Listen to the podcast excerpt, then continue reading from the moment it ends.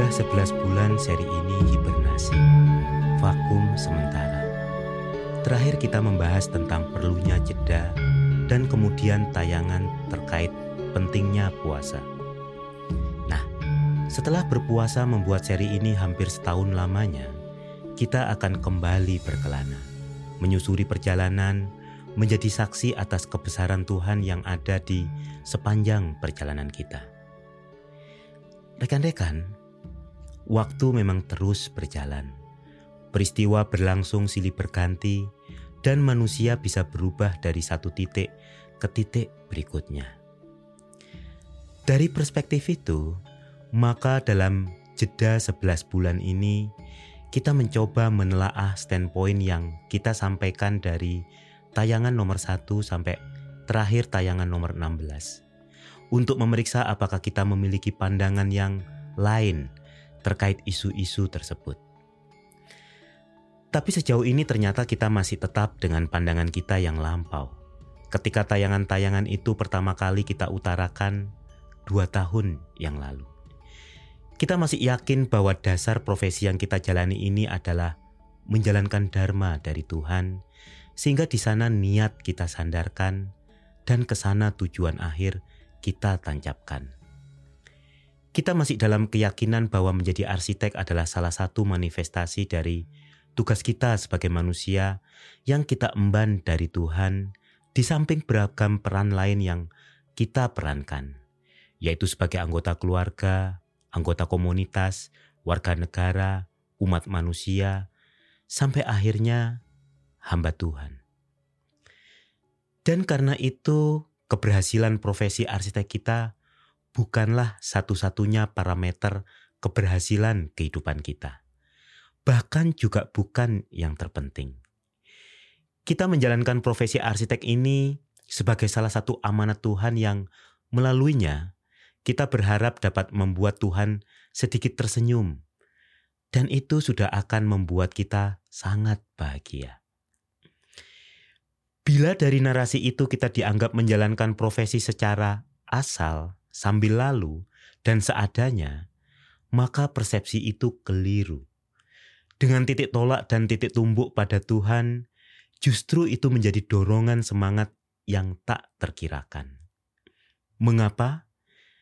Karena Tuhan tidak hanya menilai dari hasil capaian kita. Tuhan tidak menilai apakah karya kita dimuat di architectural record atau tidak. Tuhan tidak menilai seberapa besar proyek kita. Tuhan tidak menilai apakah karya kita dipuji presiden atau tidak, karena Tuhan tidak hanya menilai dari hasil capaian kita, melainkan juga dari usaha, ikhtiar yang kita jalankan. Karena itu, kita hanya perlu berusaha, bekerja sebaik-baiknya dengan penuh kesungguhan. Di titik itu berarti kita sudah menjalankan pekerjaan kita. Terkait hasil dan dampak, bukan ranah kita untuk menentukan, walau tidak haram kita mengharapkan. Maka dengan prinsip itu kita menjadi bergelora dalam menjalankan profesi arsitek kita ini. Kita tidak perlu mengkhawatirkan apakah karya itu akan mendapatkan pujian masyarakat atau memperoleh IAI Award Asalkan kita sudah merancang dengan sepenuh hati, dengan kemampuan dan kesungguh-sungguhan kita, maka tunailah tugas kita yang itu. Begitu yang kita yakini waktu itu, dan masih seperti itu pandangan kita saat ini. Dengan prinsip yang demikian, maka kita berkarya bukan dengan motivasi menghasilkan masterpiece, tapi sebaliknya kita perlakukan setiap karya kita seolah-olah itu adalah masterpiece kita. Rekan-rekan, dua hal itu berbeda sekali. Bila kita berkarya untuk menghasilkan masterpiece, maka ego kita lah yang akan mengemuka. Berbagai pertimbangan desain kita putuskan dengan membayangkan bagaimana karya ini nantinya diakui khalayak sebagai sebuah masterpiece. Walau jangan-jangan itu tidak sesuai dengan kebutuhan dan keinginan pihak yang memberi kita penugasan. Yang penting itu nanti akan dipuji orang diakui dunia, dan membuat nama kita melegenda dengan karya itu. Ini yang disebut berkarya dengan motivasi menghasilkan masterpiece. Sedangkan bekerja dengan memperlakukan semua karya kita adalah masterpiece kita, akan membuat kita bersungguh-sungguh dalam mengerjakan setiap karya kita. Jadi bedanya apakah masterpiece itu adalah tujuan ataukah itu adalah sikap kita dalam memperlakukan pekerjaan. Itulah etos kerja seorang manusia arsitek. Sebuah etos kerja dengan titik tolak dan titik tumbuk yang jelas, kokoh, dan menjamin keadilan atas hasil akhir. Bagaimana tidak adil? Lawang yang menjadi ultimate klien kita adalah yang maha adil, yaitu Tuhan sendiri. Maka secara hakikat, kita bekerja untuknya. Bilapun klien kontraktual kita one prestasi misalnya tidak membayar jasa layanan arsitek kita, maka ultimate client itu yang akan memastikan kita mendapatkan balasan yang sepadan atau malah lebih baik di alam sekarang ataupun di alam kemudian. Dengan demikian kita berada di perniagaan yang tanpa rugi karena dia yang menjadi penjaminnya perniagaan yang tanpa rugi.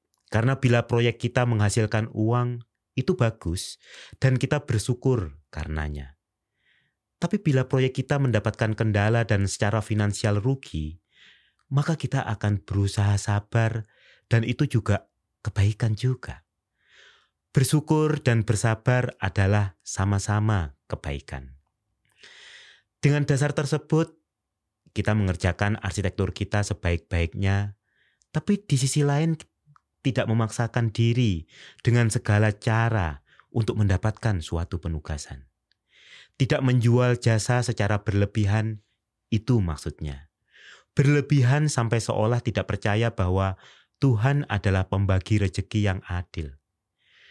Mati-matian promosi via majalah, koran, media sosial, website, dan seterusnya menjatuhkan reputasi kolega yang menjadi pesaing, menjanjikan hadiah bagi orang dalam yang membantu memperoleh pekerjaan, dan berbagai cara tidak etis semacamnya. Rasanya kita perlu, walau pelan, berusaha mulai menghindarinya. Hal terkait bagaimana arsitek menjalankan strategi pemasaran itu sudah kita bahas di tayangan awal seri ini soal marketing. Dan saat ini kita masih meyakini bagaimana marketing versi kita itu. Dan dengan itu, mari kita kembali berkelana. Akan ada hambatan, tantangan, cobaan, atau minimal dilema yang menghadapi kita di perjalanan. Tapi bila kita masih berpegang pada titik tolak dan titik tumbuh itu, semoga kita bisa mengurangi, bisa mengurai dan mencari solusi terbaik yang bisa kita ambil. Kita akan menghadapi sejawat yang culas misalnya. Kita akan menghadapi klien yang curang, kita akan bertemu kontraktor yang nakal, kita menjumpai pegawai yang malas, kita bertemu atasan yang korup, dan seterusnya dan sebagainya. Rekan-rekan, kita menyadari kita sendiri pun tidaklah bebas dari tindakan yang tidak terpuji. Karena kita dikelilingi oleh situasi, kondisi yang kadang membuat kita terpaksa melakukan hal yang seharusnya tidak kita lakukan, atau dihadapkan pada pilihan yang tidak mudah untuk menentukan ambil yang mana. Terkadang kita tidak bisa memilih dengan mudah karena dua-duanya ada mudorotnya misalnya. Itulah yang disebut dilema. Saya mengalami itu rekan-rekan Rekan-rekan juga mengalami itu tentunya. Sebagai manusia kita akan terus menghadapi kuis-kuis untuk dipecahkan, menguji dharma yang kita perankan. Saya yakin tidak selamanya kita lulus dan melewatinya dengan ideal. Tapi yang membedakan adalah apakah kita mengarah kepada pilihan yang lebih baik walau tertatih-tatih dalam menjalankannya, ataukah menyerah dan berhenti di kubangan itu. Nah, dengan berbakal titik tolak dan titik tumbuh itu, semoga kita bisa lebih bijak dalam mengambil sikap. Dan dengan itu mari kita kembali berkelana. Sebagai staf arsitek, kita berusaha sebaik-baiknya pada yang memberi kita penugasan, yaitu atasan kita.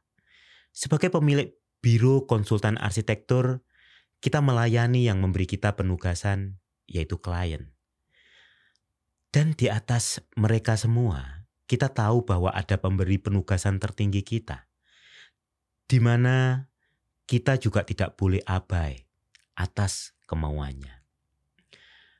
Berbekal itu, kita kembali berkelana. Di jalan nanti kita akan bertemu segala macam keanekaragaman, gaya hidup, gaya arsitektur, tren, dan sebagainya. Ada kalanya kemudian kita tergoda untuk mengambil dan menyematkannya untuk pakaian kita. Kita melihat tren green building, kemudian kita ikut memakainya. Kita sampai di gaya arsitektur minimalis, kita mengikutinya. Kita bertemu arsitektur dekonstruksi, kita mengadopsinya. Demikian seterusnya. Waktu itu, kita bahas ini dan kemudian memberi komentar bahwa adalah baik-baik saja belajar dari orang lain. Tidak ada salahnya mengambil hikmah baik dari timur maupun barat. Karena pada dasarnya hikmah itu milik kita semua. Kita boleh memanfaatkannya. Tapi bila terkait dengan arsitektur, kita perlu berhati-hati juga. Mengadopsi arsitektur dari luar untuk kita bawa ke Indonesia kita perlu disertai sikap yang bijak. Karena jangan sampai tren maupun mode dari luar itu kita paksakan disemai di bumi yang sebetulnya tidak sesuai dengan habitatnya. Alkulturasi budaya merupakan keahlian kita sejak lampau. Gaya masjid dengan pendekatan arsitektur candi, candi Hindu dipengaruhi candi Buddha, gereja dengan gaya arsitektur kelenteng, dan seterusnya. Tapi satu hal, bahwa itu tidak sekedar untuk gagah-gagahan. Tidak sekedar untuk pujian, apalagi adaptasi secara tersembunyi dan setelahnya deklarasi bahwa itu orisinal karya diri. Tapi ya, itu akan kita jumpai dalam perjalanan ini dan tidak apa-apa. Dengan itu kita kembali berkelana. Berbagai wajah akan kita jumpai di jalan, ramah, masam, senyuman, dan berbagai jenis ekspresi lainnya. Dan manusiawi sekali bila kita lebih senang bersua dengan keramahan, keakrapan, sebagaimana kita lebih senang pujian dibanding cercaan. Dalam porsi tertentu, hal tersebut lumrah dan alamiah sebagai manusia. Tapi kadang hal tersebut pujian itu jadi membuai kita, sehingga kita seolah ketagihan, ekstase, dan pada gilirannya pujian menjadi kebutuhan serta tujuan tindakan kita berarsitektur. Maka kita posting karya kita di media sosial dan mengirim itu ke rekan-rekan serta grup WA kita, minta agar di-like. Nanti banyak pengakses dan jumlah like menjadi parameter yang mempengaruhi seberapa bahagia kita. Karena itu, bila karya kita diliput media nasional, prestasi besar itu. Apalagi bila media internasional. Karena itu ketenaran menjadi salah satu parameter keberhasilan arsitek. Karena dari sana nanti muara berbagai prestasi berikutnya seperti kaya dan nama yang melegenda bisa diraih. Kebahagiaan bagi arsitek tipe ini dipengaruhi oleh unsur di luar diri. Tanpa itu, dia bisa bunuh diri. Kita menjumpai fenomena itu di jalan nantinya. Dan baik kita terima karena dunia memang diisi beragam pandangan dan beraneka pikiran. Kita mafum walau kita tidak setuju pandangan tersebut. Yang kita lakukan adalah berlalu dan kembali berkelana. Di suatu lintasan perjalanan kita akan bersua dengan hiruk pikuk terkait keprihatinan pada lingkungan. Maka ada protokol Kyoto, perjanjian Paris, para arsitek menggemakan green building, Al Gore teriak soal global warming, pemerintah menerapkan rating bangunan hijau, dan seterusnya. Kita semua menilai itu bagus-bagus saja. Tidak ada jeleknya sayang pada lingkungan. Malah wajib hukumnya. Karena kita kan khalifah fil art, pemelihara bumi, memayu hayuning bawono. Tapi kok seolah kita semua terkesan terheran-heran ya. Seolah kita baru-baru ini saja merusak alam. Setiap karya arsitektur yang kita hasilkan artinya kita menginjeksi alam dengan benda baru, benda asing. Alam pasti berubah dengan kehadiran arsitektur kita. Bahwa kemudian ada dampak dalam skala lebih masif misalnya efek rumah kaca, polusi, pencemaran lingkungan, itu juga bukan kejadian di masa kita saja. 5000 tahun yang lalu wacana manusia juga hal yang sama. Di lembah Indus, anak benua India, keprihatinan atas limbah dan pentingnya sanitasi sudah menjadi wacana. Di kota Mahenjo-daro, di sana dibahas dampak polusi bagi kesehatan manusia 3000 tahun sebelum Masehi. Hal yang sama juga menjadi keprihatinan Hippocrates di Yunani kuno sama. Masalah lingkungan bukanlah masalah baru. Walau itu bukan berarti kita membiarkannya. Maksud kita adalah jangan sampai kita salah fokus di mana meletakkan permasalahan itu. Jangan-jangan wacananya itu bukan pada green building atau pembangunan berorientasi lingkungan, melainkan pada sikap tamak dan serakah yang ada dalam diri kita. Jadi bukan arsitektur itu sendiri semata-mata dan memuji konsep green building seolah konsep baru, padahal kearifan nenek moyang kita pada arsitektur tradisional sudah lebih holistik dalam penghormatan terhadap alam. Tapi kontradiksi seperti ini biasa dalam perjalanan kita. Dan dengan itu, mari kita kembali berkelana. Bisa juga ketika berkelana dalam perjalanan hidup kita, ada kebimbangan terkait profesi yang kita jalani. Arsitek. Sebagian besar kita bukanlah star arsitek, selebriti arsitek. Sebagian besar kita adalah wannabe arsitek, masih berjuang untuk bahkan hanya sekedar untuk hidup. Bahkan demikian tawaduknya, ada di antara kita yang bersedia menjadi hanya seorang drafter. Sama rekan-rekan, saya yang sudah 25 tahun menjalani profesi ini juga tidak dalam zona nyaman di mana semua sudah terjamin. Tidak. Saya masih sama dengan rekan-rekan, berjuang setiap hari untuk terus berada di trek ini. Kadang bimbang, saya kira manusiawi, tapi kita meyakini bahwa Tuhan top banget lah mengatur hal-hal seperti ini. Sehingga kebimbangan yang kadang hadir sebetulnya adalah bagian dari nikmat. Karena ketika keberhasilan datang, rasanya akan beda bila kita ada di zona nyaman dengan pasif income yang jelas.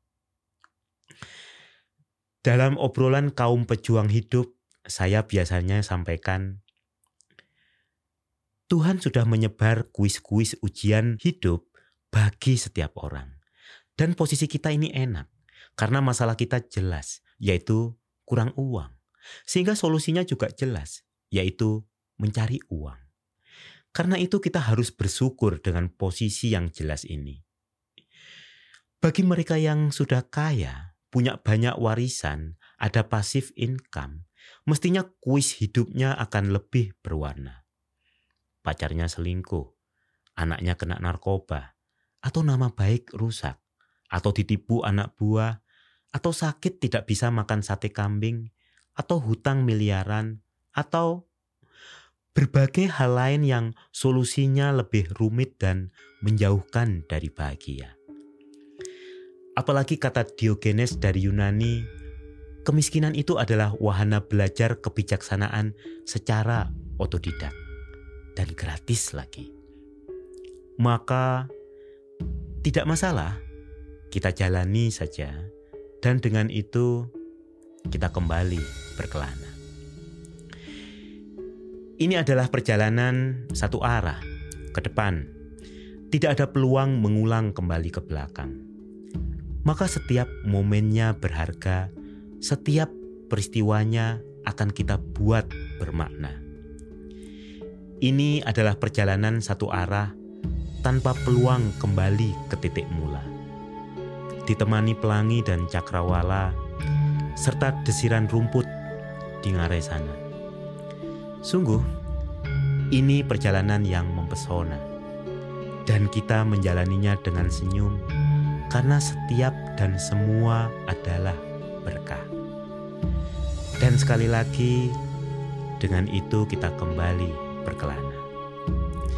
Sampai bersua rekan-rekan di penghujung jalan nun jauh di sana.